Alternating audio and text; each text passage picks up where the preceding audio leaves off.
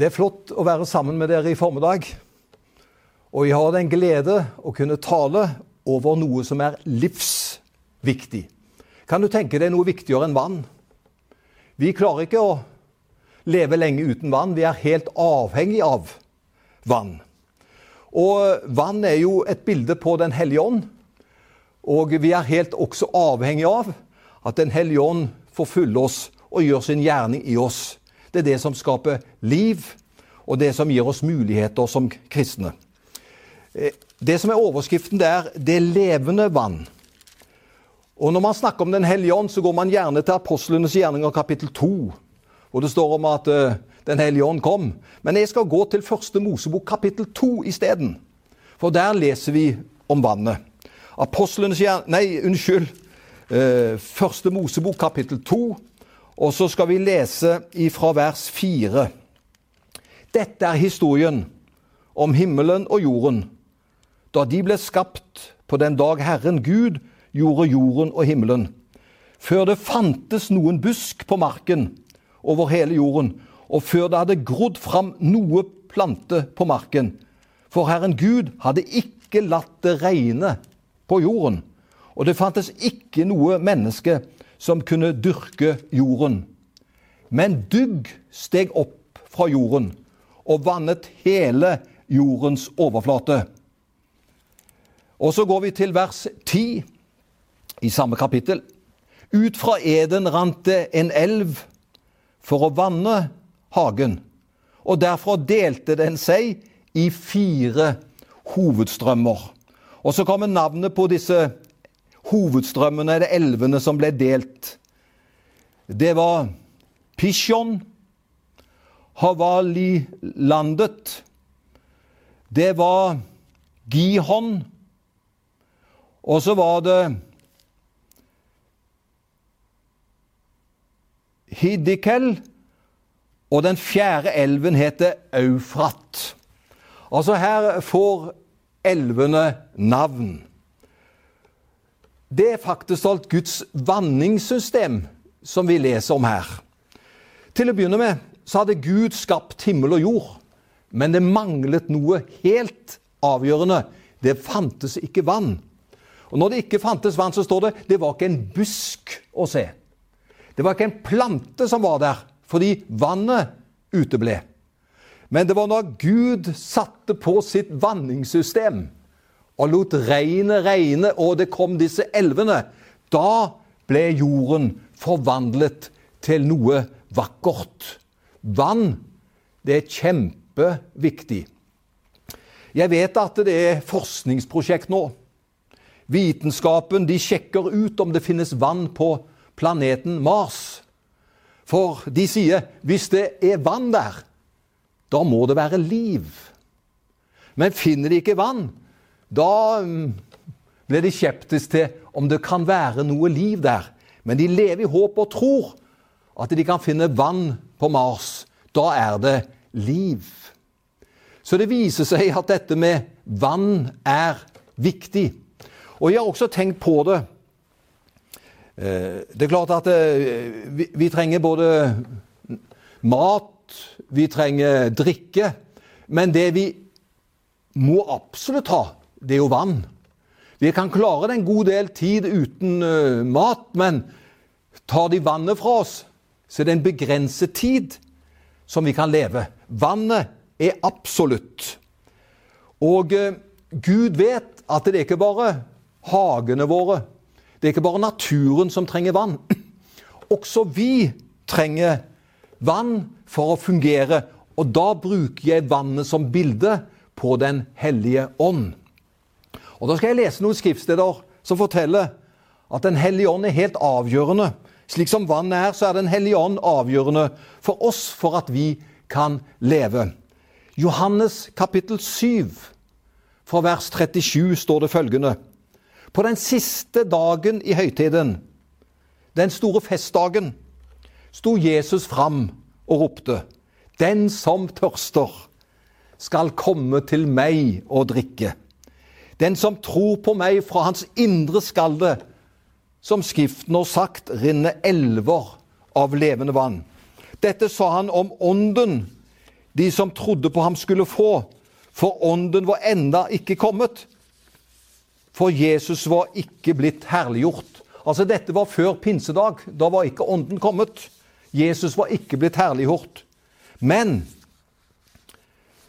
efter pinsedag så kommer ånden, og de får oppleve at de får drikke av dette levende vann. Og I Johannes 4, vers 14 står det så fint. Men den som drikker av det vann jeg vil gi, skal aldri mer tørste. For det vann jeg vil gi, blir i ham en kilde med vann som veller fram og gir evig liv. Her taler han om Den hellige ånd som veller fram, og som springer fram og gir evig liv. Og jeg er veldig glad for at da jeg tok imot Jesus Det samme gjelder for deg. Da du tok imot Jesus, og da jeg tok imot Jesus, da ble det innlagt vann. Vi fikk en kilde her inne. Og det gjør at vi kan fungere som kristne. Eh, det kan blomstre rundt oss. Vi får noe som vi kan møte livet med. Nå leste jeg fra Johannes 7 og Johannes 4. Jeg vil også lese to skriftsteder fra Det gamle testamentet, i profeten Jesaja.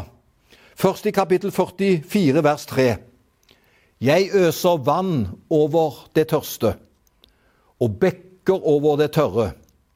Jeg øser min ånd over din ett og min velsignelse over dine efterkommere.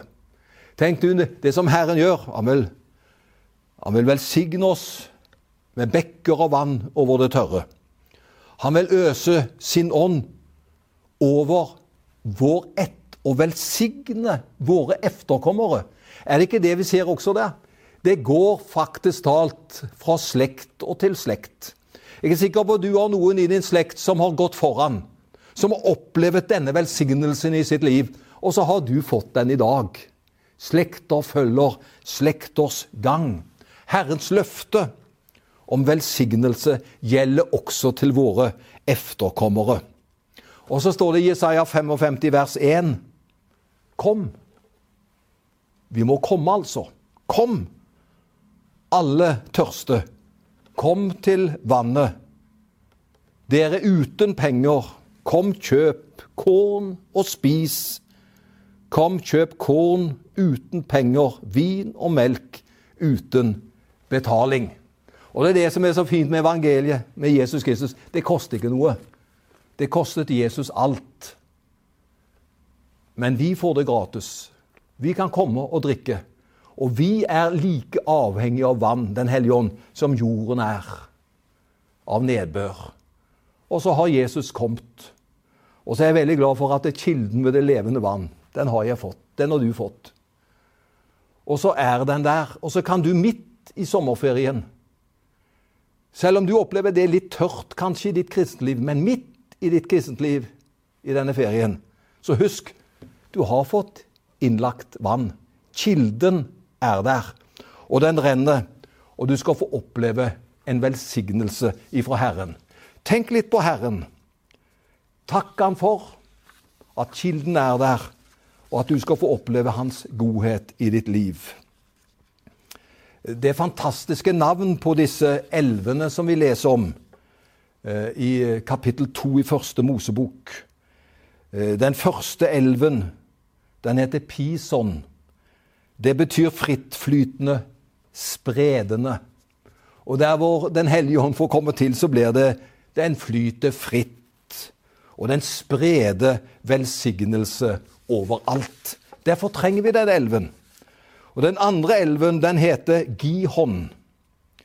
Det betyr sprudlende, og det betyr glede. Har du forresten møtt noen kristne som er fullt av Den hellige ånd, som er sure, gretne og vanskelige? Nei, for Den hellige ånd er gledens ånd. Den hellige ånd gir oss inspirasjon.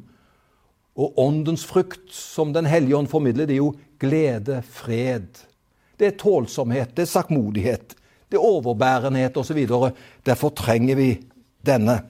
Den tredje hovedstrømmen, hiddekel, det betyr hurtig, rivende, en hurtig strømmende. Det forteller at Den hellige ånd er sterk, kraftig, mektig. Den er veldig. Og der hvor den, den får komme til, så må det menneskelige vike.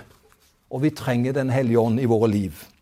Den fjerde hovedstrøm var Eufrat. Og det betyr den gode elv. Og jeg har lyst til å avslutte med det. Den hellige ånd er en god ånd. Det er en ånd som sprer godhet, en fredfull atmosfære. I denne verden så er det krefter som vil ødelegge. Det er krefter, åndskrefter, som vil bryte ned. Men der hvor Den hellige ånd får komme til, der skaper det godhet, der skaper det fred. Der skaper det overflod. Og jeg vil bare si, ta dette med deg i din hverdag. Se ikke på de vanskelige omstendigheter. Åpne deg for det som Herren har gitt deg. Du har det med deg. Og må Gud velsigne deg, så du kan få være en, en, en, en velsignelse som tre som er plantet ved rennende bekker. Og så opplever vi det er godt å tilhøre Jesus. Må du ha det godt, ha en velsignet dag, må Herren være med oss. Ånden er kommet, kilden er her. Amen.